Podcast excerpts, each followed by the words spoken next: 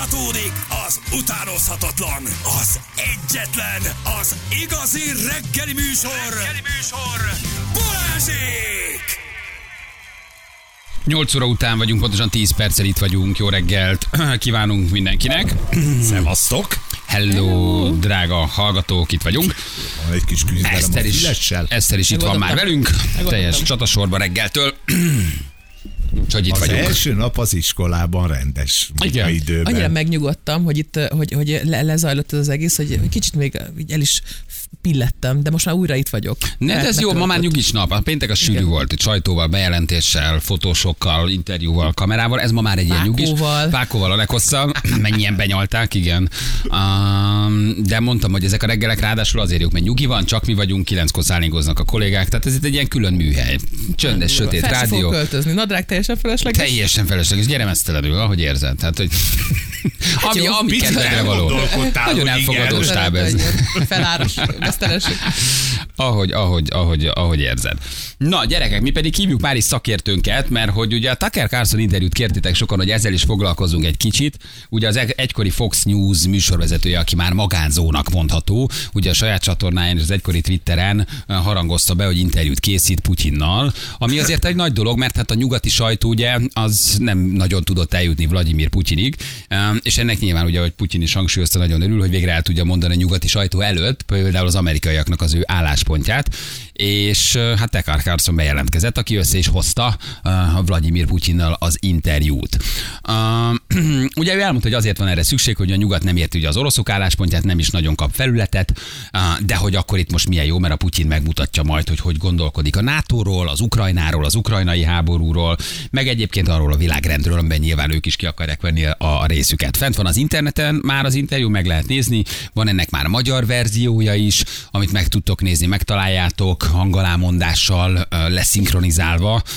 Ki a egy- szinkron hang amúgy? azt nem tudom, de egy Putyin és egy Tucker Carlson beszélget magyarul. Hevér Megcsinálták. Gábor kell. Én a Hevér Gábor képzelem el. Nem egy Tucker Carlsonra. Igen. De hogy megvan egyébként, és hát már nyilván a nyugati média azt is felkapta, hogy nem a valódi Putyinnal készített Tucker Óriási, Carlson hogy ez, én interjút, ezt hanem a korábbra dublőrrel. vártam. Igen. Korábbra vártam, mert ugye van három dublőre Putyinnak. Tudom, egyik nálunk lakik. Tényleg? Igen, a bérlők, mindegy. Igen. Aztán ugye hát érdekes állítások vannak, geopolitikai elemzések, történelmi és történetfilozófiai elemzések, ahogy írja itt a- az Index is. Hosszú az interjú, nagyjából két óra, de Elon Musk-tól kezdve az ukrajnai háborún keresztül a mesterséges intelligenciáig nagyon sok mindent említ benne a Putyin, még azt is egyébként, hogy volt arról szó régebben, hogy Oroszország a NATO tagja legyen, és hogy átverve érzi magát, ugye, hogy hát a NATO mennyire közeledett és közeledik folyamatosan ugye Oroszország felé. Nyilván elemzik azóta már történészek, hogy vannak csúsztatások, de közben van nagyon sok ö, olyan álláspont, hogy sok mindenben Putyinnak is igaza lehet. Érdekes az interjú, egyébként tényleg érdemes megnézni. Egy nyugati újságíró, aki már önálló entitás interjút csinál Vladimir Putyinnal. Igen, ez az önálló en- entitás is ugye egy ilyen Én nagy, szerintem az. nagy kérdőjelbe van téve, hogy őt kirakták annak idején. Hát attól, de most önálló entitás lett. Így van, így van. Kicsit egyoldalúan próbál meg tudósítani Aha. a világról többek szerint. És hát amit a legnagyobb negatívumnak rónak föl az interjúra, az az, hogy nincs bekérdezés. Tehát, hogy ez Hogy egy- ő megsimogatta a Hát Putyin. egy kicsit ez egy Putyin simogató volt, ahol az elnök urat szabadjára engedjük és hagy szóljon. Ebben a dologban egy csomó olyan kérdés lett volna, amit ebben az esetben szerintem érdemes lett volna föltenni, tehát akár belpolitikai kérdések, kizuhanó oligarchák és egyebek, csak ö, meg... Ablakon Jó, de Feri, felmerted volna tenni ezt a kérdést? Hát csak nem lőnek le, ha élőbe megy az adás. soha semmi fura dolog nem történt soha. De Itt hogy van vége az azt interjúnak. nem tudjuk, hogy hány interjú készült már ezelőtt, tudod, csak aztán nem értek Ja, haza igen, a, a soha. pendrive-val. Soha nem, helyi erők, nem igen. került ki. Ott az első fél óra az ugye nagyon izgalmas, egy történelmi fejtegetés, amit egyébként maga ugye a Carson is próbál megmagyarázni egy kicsit ilyen dühötten az interjú után, azt láttad? Igen. Hogy csinált egy videó bejelentkezést, hogy ő elsőre nem értette, és ettől ő teljesen ki van, hogy a Putyin miért beszél a gyakorlatilag ezer éves történelemről, és utána így megmagyarázza saját magának is, hogy ahhoz, hogy most lássuk a konfliktus okát, ugye, az ukrajnai konfliktust, ahhoz ez jó jó tudni. Na most ezt többször elmondták már azóta nagyon sok okos ember, hogy azért ott a, abban a félórás történelmi fejtegetésben nem mindegy úgy van, ahogy a Putyin Nem minden mondta. úgy van, persze megvan a sajátos szemlélet. Önmagában az interjú azért, azért nagyon érdekes, hogy az eddig Putyintól egyébként masszívan elzárkozó nyugati média az most úgy jut el, és úgy jut el 100 millió, 200 millió amerikaihoz Putyin, igaz. és Putyin mondatai, és Putyin részletele, és az oroszok, és a NATO, és Putyin indítékai, ami eddig máshogy, máshogyan, másféleképpen, de minden esetre Putyin kizárásával történt. Még most jön egy amerikai csávó, és elviszi 100 millió amerikainak Putyint, és azt mondja, hogy mindenki úgy értelmezi, hogy akarja, Nem, biztos van sok csúsztatás, biztos nem mond minden igazat, de hallhatjátok őt is, amire azért eddig a nyugati sajtóban nem volt lehetőség. Hát nyilván a mainstream média feltett kézzel ö, sikoltozva próbálja el lehetetleníteni az interjút. Nyilván nem örülnek neki azért, hogy a Putyin meg tudott szólalni mondjuk egy Tucker Carlsonnak. Hát azért tudjuk, hogy az érdekek nem erre vezetnek. Szóval barom, szerintem baromi érdekes új helyzetet teremt, hogy egy csávó önmagában egy Fox News-tól kiválva olyan tömegeket mozgat meg, hogy egy Fox News-on megnézték 3 millióan, itt meg már megnéznek egy videóját 50-60-70 millió, hogy micsoda ereje lett ennek, akár az egykori Twitternek, vagy Tucker Carlsonnak, akit tényleg 3 millióan néztek a Fox News-on, és most már önállóként. Hát, óriási felelősség. Óriási felelősség, Igen. persze, hogy aztán csúsztat, hogy az- milyen ideológiát oké, követsz, hogy kinek az oldalán állsz, hogy jobboldali hogy- vagy, baloldali vagy liberális vagy, hogy kérdezel. Ez már mind megközelítés kérdése, de mégis, hogy egy csávó egyedül így ki tudta nőni magát, azért ez Az önmagában nagyon- szerintem a mainstreamnek szempontból nagyon ijesztő is hát lehet hogy akár. fogadta, alapból igen, ez is érdekes. A másik szerintem, ami, tehát így a perspektíva, amit megmutat, meg az, hogy ahogy a Putyin beszél erről a történelem igényéről, vagy az Ukrajna területeivel kapcsolatban, hogy Igen, hogy, hogy ez- Ukrajna nincs, ugye ez, ez erről tart egy ilyen kis felvezetést. hogy ezzel, ha más nem, akkor a, a gondolkodását egy kicsit jobban megértjük a, a Putyinnak. Tehát, hogy az, hogy, az, hogy, ő, hogy ezt hogyan közelíti meg, vagy, hogy honnan jönnek ezek a gondolatok, mert azért ezzel kapcsolatban is sok konteó volt, hogy ezt miért csinálja, ezt a szitut. Igen. És hát De megérted a- az átvert Oroszországot, az amerikai lódításokat, a NATO csatlakozást, a NATO bővítését, amit ő már sokáig jelzett, hogy ez nem lesz így jó. Tehát, hogy sok, sok érdekesség van benne, szerintem érdemes megnézni. Valahogy így középen hallgatva, hogy ez is egy oldal, ez is egy, egy vélemény. Na mindjárt megkérdezzük Demko Attilát, az MTC geopolitikai műhely vezetőjét, hogy neki mi volt fura vagy éppen uh, szimpatikus. Hello Attila, jó reggel, ciao. Sziasztok, jó reggelt! Jó Azért ez mindenképpen egy érdekes felvetés, gondolom a ti életetekben is, nem? Egy ilyen Tucker Carlson Putyin interjú, azért ezt gondolom nektek is nagy öröm egy ilyet megnézni, meghallgatni, és leszűrni, hogy mit akar mondani Putyin. Hát az öröm azért az túlzás, de nagyon érdekes, Érdekes, volt. talán ez a Tehát, jó szó, igen.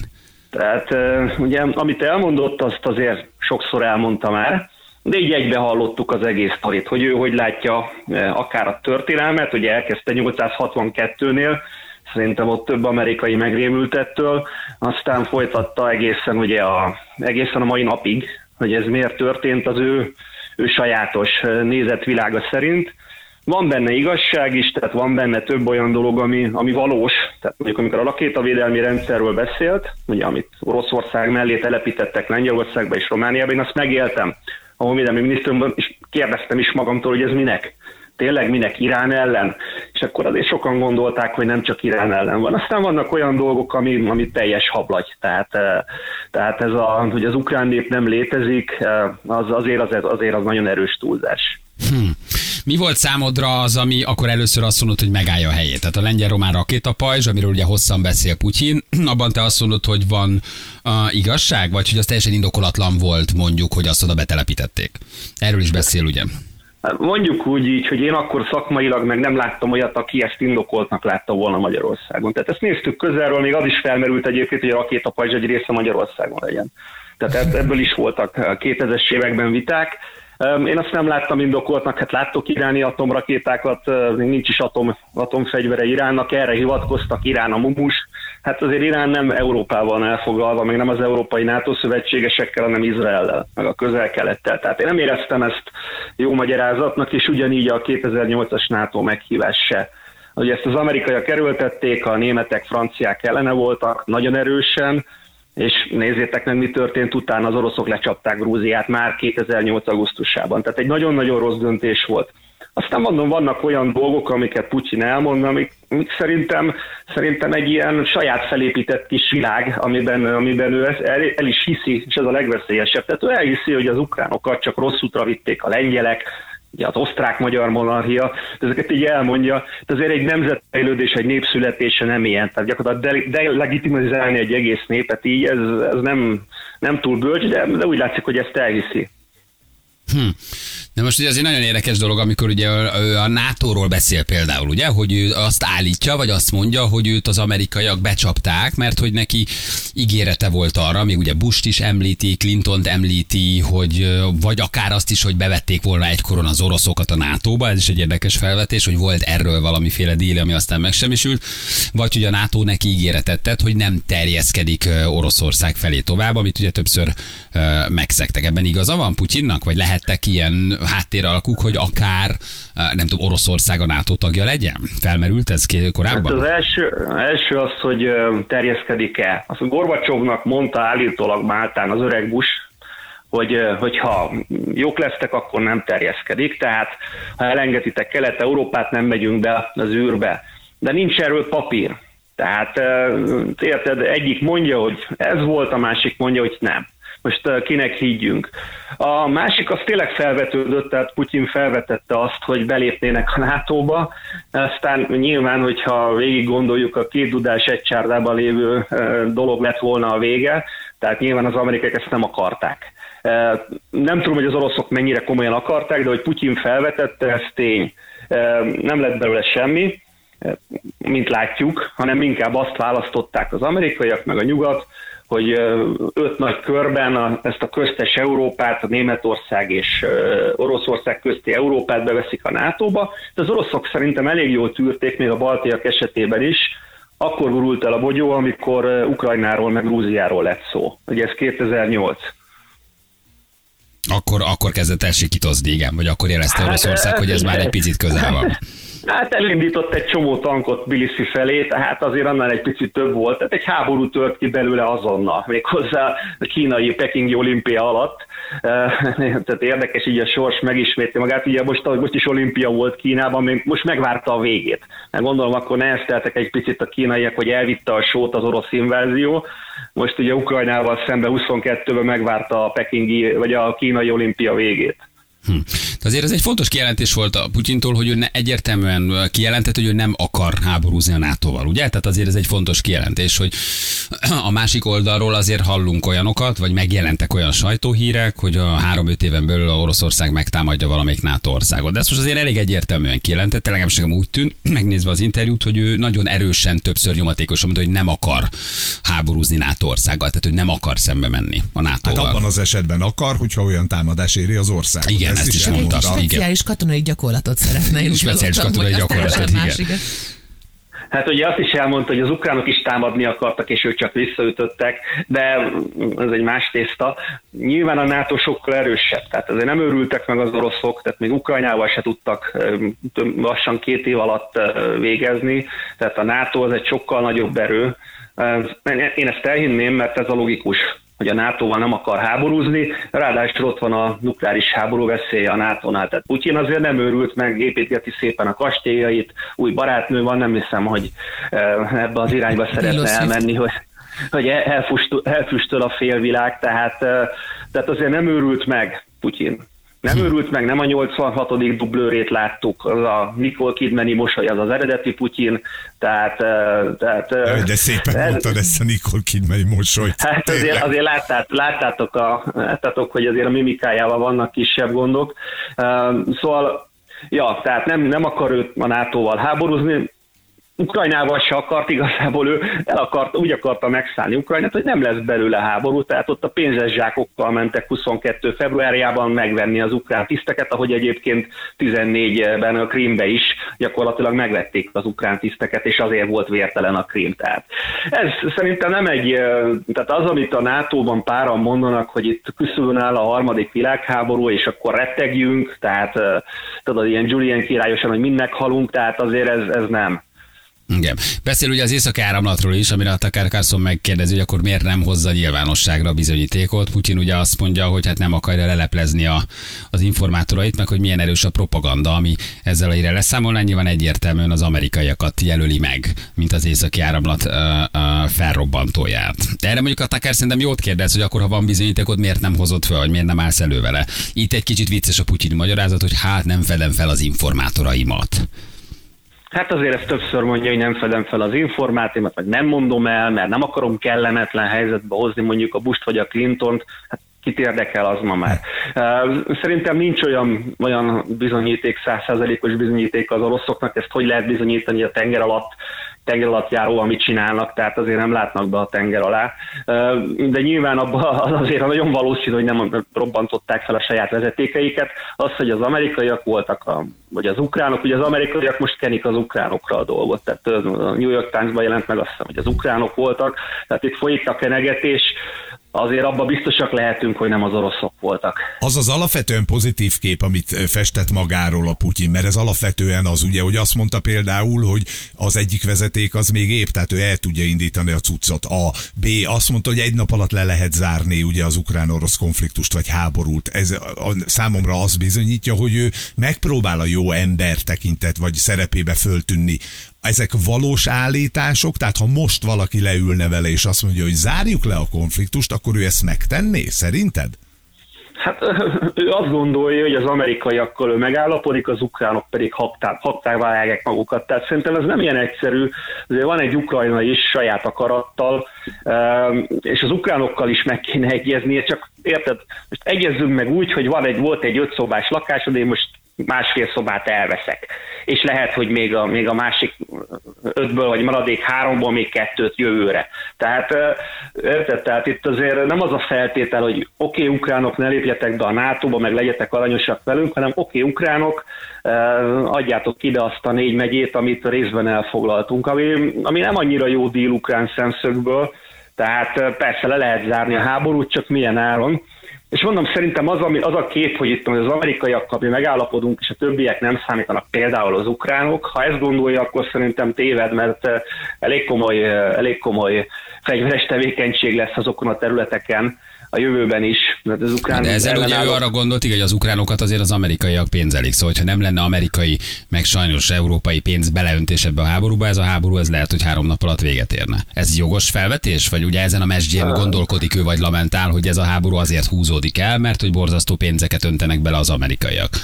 Hát persze, hát nyilván, nyilván, hogyha nem lenne az Amerika, bár most éppen nincs amerikai segítség, most az európai segítséggel, meg a maradékkal harcolnak az ukránok, veszítenek is egyébként az elmúlt hetekben, hónapokban. Persze lezárulna a háború, abban az értelemben, hogy Ukrajna verességet szenvedne, de ez nem azt jelenti, hogy erőszak lezárul egyébként ott, mert egy csomó ukrán nem fogadja el hogy az Oroszország. Tehát ugye komoly ellenálló mozgalom van Zaporizsia és Herson megyében, de persze, tehát ilyen értelemben a háború lezárható, hogyha a nyugat kihúzza Ukrajnából, a, kihúzza a dugót ugye a falból, mert akkor Ukrajnának nem nincs elég ereje arra, hogy ellenálljon Oroszországnak. Tehát akkor ebben tulajdonképpen Igen, igaza van Putyinnak, hogy... Hát, oké, csak az érintett területek viszont Oroszországhoz kerülnének. Hm? Hát az ukrán részről ez nem elfogadható. Hogyne, ez is persze. Mert én most csak próbálom az összes témát megkérdezni, abszolút nem akarok állásfoglalni, vagy Putyin mellett kardoskodni. Nyilván agresszor, meg megtámadott egy országot, csak érdekes maga az interjú, meg egy csomó felvetése, hogy most ebben igaza van történelmileg, vagy akár rosszul gondolja. Én ezt egyébként úgy látom, hogy sok mindenben igaza van, mert nem, nem jó dolog a medve orrát pöckölni. És akkor újra megpöckölöd, és akkor újra megpöckölöd, csak a medve átment szétépő üzemmódba a pöckölések után, tehát azt szerintem ez se jó dolog. Én azt, azt gondolom, hogy itt most jó lezárás már nem tud lenni. Ha, van, ha igaz az, amit mondanak, és szerintem utalt rá Putyin is, hogy 22-ben volt egy lehetőség, hogy nagyjából nagy csatolások nélkül megállapodjanak, hogy ez a Boris Johnson féle epizód, és egyre több adat van arról, hogy itt valami történt azért, akkor az egy nagy elszalasztott lehetőség volt, hogy egy-két hónap után lezárják a háborút. Most ez ilyen lehetőség nincs, amikor, amire mindenki azt tudja mondani, hogy oké, okay, rendben van, nem lesz Ukrajna NATO tag, nem lesz EU tag, de azért nagyjából egybe marad. Most már nem lesz ez. Tehát katasztrófa egyébként az Ukrajnának, rettenetes a helyzet, és hát ugye Putyinnak se annyira jó, mert rengeteget beleölt ebbe a háborúba, és olyan fantasztikus kis villái, meg jakt, meg egyebek, ott az egész orosz elitnek az meg ott áldogál a Côte. Igen, hát ez ráadásul senkinek nem jó, meg százezerek haltak meg, meg borzasztó eh, kidobott pénz, és rengeteg, rengeteg belepakol dollár, milliárd, meg euró milliárd, aminek semmi foganatja nem lesz, és csak néhányan járnak vele jól. Attila, mennünk kell, nagyon sokáig fogják még ezt az interjút elemezni. Köszi ezt a rövid, gyors áttekintést, érintettük a nagyobb Köszi témákat, szépen. hosszan lehetne még. Köszi, jó munkát nektek, ciao, köszönjük Szia, szépen, köszönjük Demko Attilának, az MCC geopolitikai műhely eh, vezetőinek. Mondom, magyarul megtaláljátok az interjút, érdemes megnézni. Igaza van, nincs igaza, hogy gondolkodik, azért ez mindenféleképpen egy fontos pillanat, hogy a nyugati sajtó egykori kirúgott Fox News-os műsorvezetője leül a Putyinnal. Azért ezt egyszer érdemes megnézni. Fél kilenc lesz, pontosan egy perc múlva jövünk mindjárt rögtön a hírek után.